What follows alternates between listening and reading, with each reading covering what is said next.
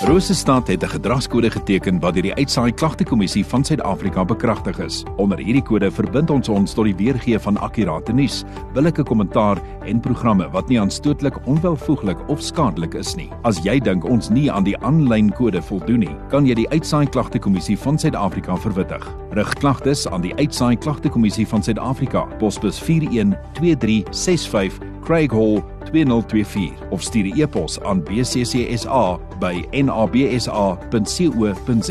Vir verdere inligting besoek www.bccsa.co.za.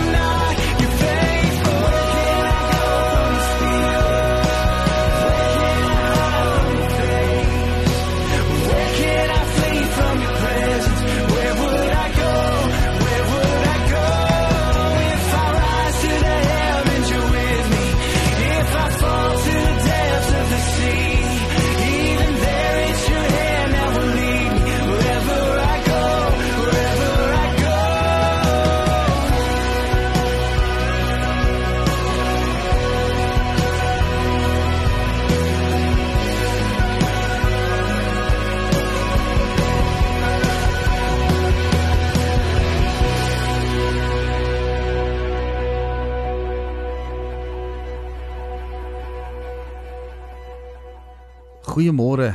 Ek het in hierdie week het ek met julle gesels oor Habakuk, Habakuk 1, 2 en 3 en het gepraat oor my en jou storie en uh hoe God ons storie skryf as jy hom toelaat om te skryf. Maar in, in alles wanneer ons toelaat dat die Here ons lewens stuur en wanneer hy ons storie skryf, dan kom daar 'n hoop ongekend soos wat Habakuk ook daar beskryf het in hoofstuk 1, 2 en 3.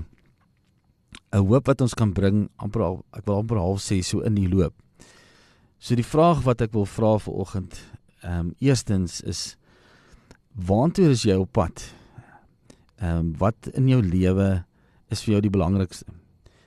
Die volgende vraag wat ek wil vra is wat is in in werklikheid jou wêreldbeskouing? Dink op hierdie stadium is die werklikheid vir jong getroudes dalk miskien jong ehm um, kindertjies, babatjies en hulle wêreldsbeskouing is doeke, melk, eh, min slaap en deur die aande. Ehm um, of dalk is is jou wêreldsbeskouing 'n bevordering. Jy het nou net begin in die werksmag en jy is besig om jouself op te werk of jy's dalk 'n boer en jy het nou gesaai en jou mielie is besig om te groei en jou verwagting of jou wêreldsbeskouing is is dat jy glo dat dit 'n goeie oes sal oplewer. Dalk is jou werklikheid dat daar geen toekoms is vir hierdie land nie. Of dalk is jou werklikheid dat jy besig is om te immigreer. Ehm um, of vir manne en jonge dames wat nog op skool is, is jou werklikheid om klaar te maak met die skool. Intussen hoop jy ook vir daardie perfekte girl wat jy kan ontmoet of die jonge dames julle het 'n verwagting in julle hart of 'n wêreldsbeskouing dat jy daardie ouetjie sal ontmoet wat jou knie sal laat maak. Meeste van ons in die in, in hierdie wêreld in die wêreld het 'n sekere wêreldsbeskouing. Die wêreld gee vir ons 'n sekere beeld of ons vorm 'n sekere beeld van die wêreld. Ek wil amper sê dit is soos 'n resep om 'n koek te bak, 'n knippie Hollywood, 'n stukkie Bybel saam met dieselfde bak en sien daar het ons 'n mix grill van 'n lewensbeskouing, weet, voeling dalk verloor met die real world as ek dit so kan stel, as ek die Engels kan gebruik. Hier is my vraag: Hoe kan ons hoop skep verander as ons self 'n mix grill het en onsself het geen werklikheid of geen hoop vir die toekoms of ons lewens uitkyk is alles behalwe Jesus. As jy vandag hier sit en jy sê dit is wel my belangstelling uh, dat ek dit of die of daai wil doen en uh, ek het hoop my hoop het verander soos wat die jare verloop het of ek hoop dat dinge beter sal uitdraai en jy vind dat jou lewe op hierdie stadium hopeloos is Die die antwoord is heel eenvoudig. Wanneer ek en jy in die werklikheid wandel, ons almal het probleme en ons weet dat Jesus se koms is voor die deur as ons kyk na die tye waarin ons leef, dan het ons hierdie begeerte dat ons ons het nodig om na die woord te kyk en ons het nodig om na die Here te kyk om ons te help om hoop te bring in 'n hopelose wêreld. Paulus gee ons 'n perfekte wêreldbeeld. Eerstens gee ons die kruis in Romeine 6 sê ons is saam met Christus gekruisig en ek leef nie meer nie. Hy gee ons die kroon, ons het 'n nuwe toekoms. Ons het 'n 'n wenpaal want ons op pad is. Dan dan as ons daai wedloop voltooi, kry ons 'n oorwinningskroon in 2 Timoteus 4 vers 7 tot 8. Hy wys vir ons 'n troon. Jesus sit aan die regterhand van die Vader en tree vir ons in in Romeine 8 vers 33 en 34 en en daar's 'n vaste fondament waarop ons kan staan. Ons voete is vas ehm um, gesement op hierdie fondament en ons staan op die ewige rots wat nooit kan wankel nie. 2 Timoteus 2 vers 9. En dan was hy vir ons 'n tempel. Die Heilige Gees omskep ons lewens as 'n lewende tempel vir God in 1 Korintiërs 6 vers 19. So dis as te ware Paulus sê God woon nie meer in 'n geboude plek wat ons met ons hande gebou het nie, woon in ons. So as ons agter ons, voor ons, bokant ons, onder ons, binne ons is Christus, die kruis, die kroon, die troon, fondament en die tempel, dan is daar hoop vir 2024. Ehm um, en dan het ons hoop dat in ons lewensareas dit beter sal gaan. Dat dit verbeter sal word, dat daar dinge sal gebeur ehm um, en ek dink nie iemand van ons het hierdie hoop in ons hart dat dat 2023 was sleg maar ons hoop regtig dat 2024 nog slegter sal wees nie, dat daar nog meer teëspoed aan my kant toe sal kom nie. Ek dink niemand van ons hoop om te skei. As ons getroud voor die kansel staan en ons trou die dag dink ek aan die dag wanneer ek nou sal skei of waar verhoudings met familie en vriende nie sal uitwerk nie dat ek hoop dat ek nog dieper in die skuld sal gaan um, dat hulle my kar en my meubels en my huis sal kom terugvat nie. Niemand van ons hoop dit nie. Ons almal hoop dat die jaar 2024 'n jaar sal wees waar daar klomp wonderwerke sal sal plaasvind dink een van die grootste wonderwerke so met tong in die kies is dat die kragrees Eskom sal omdraai. SAL weer winsgewend sal wees. Uh dalk is ek bietjie sarkasties wat dit aan betref, maar kom ons gaan meer terug na ons eie lewens. My hoop is is dat my verhouding sal verbeter, dat my huwelik sterker sal wees, dat my geestelike lewe sal groei en dat ek finansiëel beter af sal wees. So die vraag is is waarvoor hoop jy? Miskien kan jy dit neerskryf. Dalk dink jy daaroor. Maar ek wil hê jy moet mooi luister. Hoop in homself gaan niks verander nie. Dis slegs iets waarvoor jy hoop. So ek wil amper sê hoop is 'n katalisator vir 'n aksie, vir 'n verandering. Maar ek kan hoop dat ek blou raak in my gesig. Sonder aksie gaan ek nêrens kom nie. Dis is 'n 'n nuwe jaarsresolusie. Soos het ek in die week ook gesê dat jy kan 'n dissipline of klomp dissiplines vir jou neersit. 'n Klomp nuwe jaarsvoorneme gaan neerskryf en nie by een van hulle uitkom nie dalk moet jy met een ding begin. So verandering kom wanneer ek oorgaan in aksie. Wanneer as ek nie oorgaan in aksie nie, gaan hoop maar net 'n passiewe wensdenkery wees, maar dan met 'n aktiewe strewe wees. Ek wil vir jou gedeelte lees in 1 Petrus 1 vers 13. Daarom omgord die lende van julle verstand, wees nigter en hoop volkome op die genade wat julle deel word by die openbaring van Jesus Christus. Soos gehoorsame kinders moet julle nie julle lewe inrig volgens die begeerlikhede wat tevore in julle onwetendheid bestaan het nie. Ek gaan begin by vers 13. Vers 13 sê ons moet onsself voorberei en ons gedagtes moet ons oorsit tot aksie. Die gedeelte sê ons moet ons gedagtes omgord. Die Engelse vertaling sê ons moet onsself dissiplineer. Die een vertaling sê we have, we have to have self-control. Maar ek wil vol staan met dissipline. Dit gaan dissipline neem om jou hoop om te skakel in aksie. So die vraag is wat se dissipline uh in jou lewe sal jy graag wil vasmaak? Dissipline is, is om te kies tussen wat jy die meeste nodig het teenoor wat jy nou wil hê. So kom ek gee 'n voorbeeld. Jy wil dalk 3 keer 'n week gaan golf speel, maar jou verhouding met jou kinders is nou vir jou meer belangriker as 3 keer 'n week golf. Ek wil graag elke dag iets bestel by die werk en te eet en ek gaan eerder vir myself 'n kosblik pak as wat ek elke dag by die werk iets bestel want hierdie komende jaar wil ek graag my kredietkaart skoonmaak. Hoe sit ek hierdie hoop om in dissipline om oor te gaan in aksie? En ek gaan vir jou 'n gedeelte uit die Ou Testament aanhaal en dit is Nehemia. Nehemia kom en die eerste punt wat ek wil neersit is is dat hy definieer sy probleem. Nou net agtergrond te gee. Nehemia was 'n Jood wat vir die koning van Persië gedien het. En die koning was Artaxerxes. Dit is nogal 'n tonkkoper, tonknoper. Hy was die koning se skinker. Mm, sy werk was om die wyn of enigiets water of enigiets for that matter wat gegee word vir die koning moet hy eers proe selfs kos sodat hy seker maak dat daar nie gif in die kos is of daar nie gif is in die drankies wat hom gegee is nie. Nehemia was baie geïnteresseerd in die proses van die Jode wat besig was om terug te keer uit ballingskap. Hy was baie entoesiasmes entoesias met sy hart gevul. Hy was baie entoesiasties oor die proses waar die volk die die muur weer moes herbou. In Hoofstuk 3 ehm um, het daar vriende opgedaag en hulle gee vir hom of Nehemia 1 vers 3 skus kom daar vriende, hulle het opgedaag en hulle gee vir hom 'n rapport. Hulle rapporteer terug wat besig is om te gebeur en ek lees dit graag vir jou. En hy het vir my gesê die oorblewenes wat vrygekom het, het uit gevangenskap daar in die provinsie verkeer in groot ellende en in smaad. En die muur van Jerusalem lê stikkend en sy poorte is met vuur verbrand. Die muur in daardie tyd was 'n verskriklike belangrike ehm um, element dit 'n verskriklike belangrike rol gespeel as dit gekom het by 'n stad. Die muur het mense beskerm. Hulle het mense beskerm teen aanvalle saans. Ehm um, die poorte was gesluit. Ehm uh, soos die Jode teruggekeer het, het daar niks oorgebly nie en hulle was 'n oop teiken vir die vyand. Nehemia se hoop is dat hierdie muur moet herbou word. So hy definieer wat is die probleem. En dalk het jy 'n probleem, probleem wat al jare kom. Dalk het jy onvergewensgesindheid, dalk het jy bitterheid in jou hart.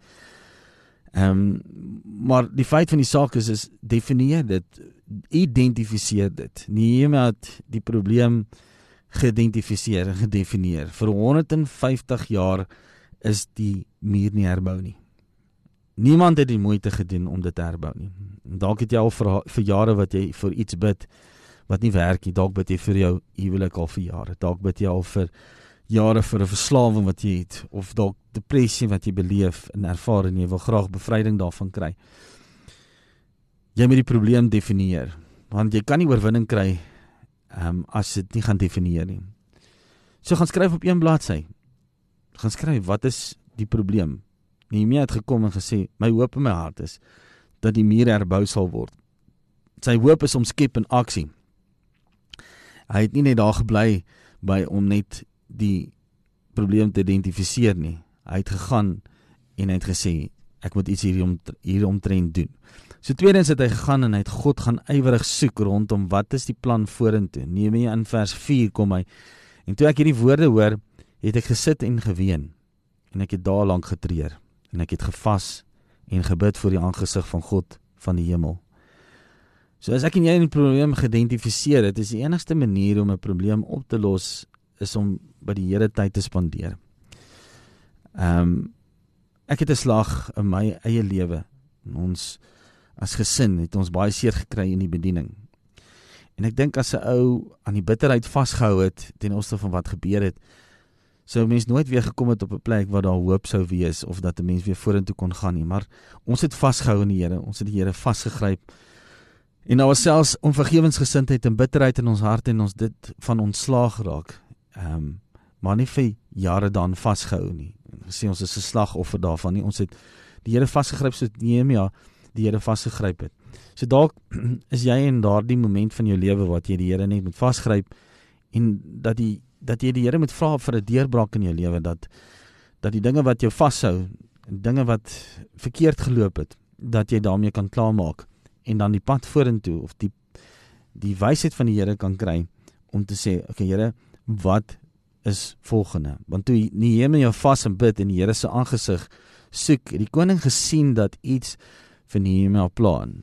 En die koning vra vir hom en in daardie tyd net om vir jou agtergrond te gee, was dit nogal ehm um, angswekkend as dat is die skinker of die een wat die koning se kos en sy se drankies geproe het met hartseer voor die koning gekom het kon die koning selfs beveel dat hierdie persoon doodgemaak moet word want hy moes dit eintlik met vreugde gedoen het maar die Here bewerk bewerk dit so dat Nehemia toe hy vas en bid die koning sien want hy was vir Nehemia baie lief sien daar's fout vra hom wat is fout en hy noem vir die koning en sê koning ons muur lê in pyn Ehm um, ons mense is besig om terug te gaan ehm uh, van ballingskap af.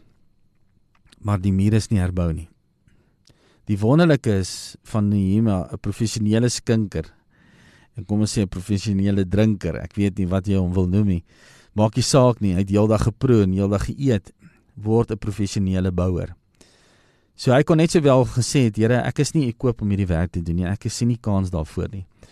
Maar ek het iets wat ek vir jou in Engels wil sê. Sometimes God does not call the equipped. Hy hy roep jou om jou equip te maak. Hy roep jou om jou toe te rus met dit wat jy nodig het om dit te doen wat hy wil hê jy moet doen. So ek wil vanoggend jou uitdaag om op te staan en te sê ek het nie net hoop nie, ek wil my hoop in aksie oorsit en ek wil die Here soek en ek wil gaan en vra Here, wat is dit wat U wil hê ek moet doen? So Nehemia kry toe guns by die koning en hy het 'n resolusie, ehm, 'n deklarasie gemaak wat hy gaan sê, ek kry al die leiers en al die priesters en officials as jy dit in Engels wil sê, bymekaar in Nehemia 2 vers 17. Daarop sê ek vir hulle, hulle sien nie nood waar ons in is dat Jerusalem woes lê en sy poorte met vuur verbrand. Kom, laat ons die muur van Jerusalem opbou. Dat ons nie langer 'n voorwerp van smaad kan wees nie en ek vertel hulle van die die hand van my God wat goed was oor my en ook van die woorde van die koning wat hy my gesê het en hulle sê ons sal ons klaarmaak en bou en hulle het hulle hande sterk gemaak vir die goeie werk.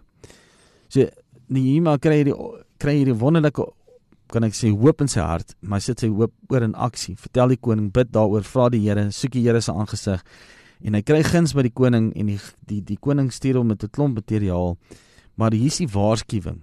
Toe Nehemia laat weet dat hy dit gaan doen, is daar toe 'n klomp mense, Sanballat en Tobias, wat hulle regmaak om te sê ons gaan hierdie muur weer afbreek. Hulle het hom gespot. Hulle gesê as 'n jakkals oor hierdie muur hardloop sal hy mekaar tuimel. Nehemia 6 vers 3. Toe stuur ek die boodskappers na hulle toe om te sê: Ek doen 'n groot werk sodat ek nie kan gaan afkom nie. Waarom moet ek die werk ophou sodra ek dit verlaat om na julle af te kom? Vra hy. So hierdie ouens het vir Nehemia geroep en gesê kom sien ons kom praat met ons, maar hy was nie distrek nie. Hy was nie sy aandag was nie afgetrek nie. Hy het gebly en gedoen wat die Here vir hom gesê het om te doen. So vir oggend terwyl jy na hierdie boodskap luister. Ons almal leef op hierdie stadium in Suid-Afrika en ons voel ons is in 'n hopelose situasie. Ons definieer die probleem. Ek praat nou globaal. Ek praat nou nie van jou as individu nie, maar selfs jy as individu sit dalk en jy het 'n probleem in jou lewe wat nou al vir jare kom. Ek wil jou uitdaag om soos Nehemia dit te definieer en te sê, dit is die probleem. Ek gaan die Here se aangesig soek. Ek gaan bid, gaan vas. Ek gaan vir die Here vra wat is die plan van aksie? Wat moet ek doen? Hoe moet ek hierdie probleem aanpak? En dan laastens dat jy dan oor sal gaan tot aksie. Almal het gesê hy sal dit nie kan doen nie. 150 jaar lê die muur in pyn en ruïns soos die Engelsman sal sê. En die wonderlik is in 52 dae het Nehemia en sy mense die muur herbou. By God is alles moontlik. Here, dankie dat ons ver oggend na u woord kon kyk. Dat ons kan hoop bring so in die loop.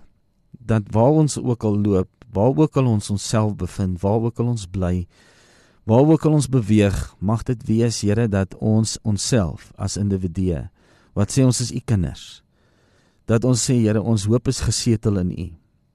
Waar ons dalk 'n probleem het wat al vir jare kom, vra ek Here dat ons hierdie probleem sal definieer, dat ons dit sal identifiseer en sal sê dit is my probleem.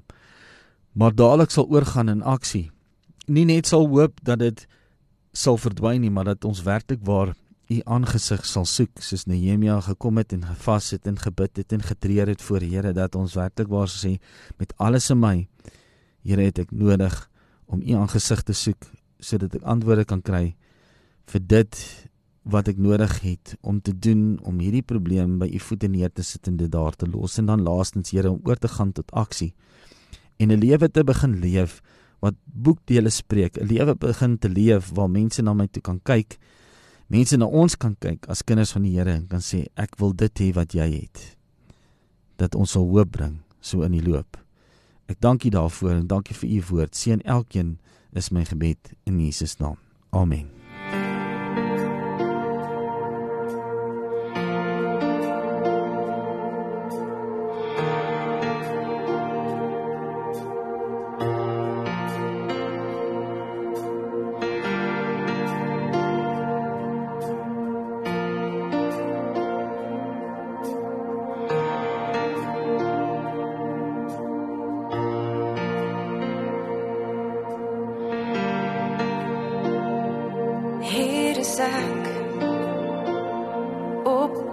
knieë en ek gee my hart vir U was lank verdwaal. Maar hier is ek nou voor U troon. En U gee my weer 'n kans U was my skoon. Maak my nuut woon in my. Verklaar ek is u kind en u my pa. My koning pa. Kyk in my oë. En u nooi my in u arms van liefde wat nooit val. En liefde wat nooit val liefde sal nooit faal. U liefde sal my nooit faal. En ek voel u arm styf hier om my lyf. Voel aanvaar soos ek in sagte oë kyk. Met my gesig nou in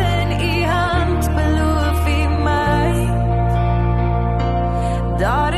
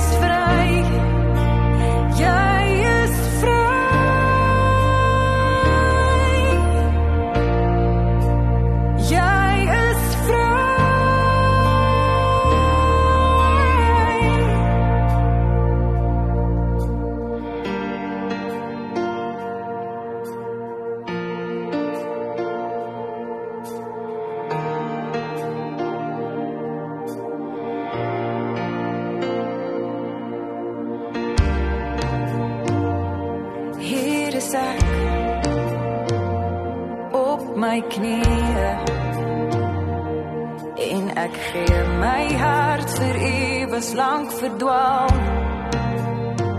Maar hier se ek nou voor u troon. En u gee my weer 'n kans u was my skoon. Maak my nie woon in my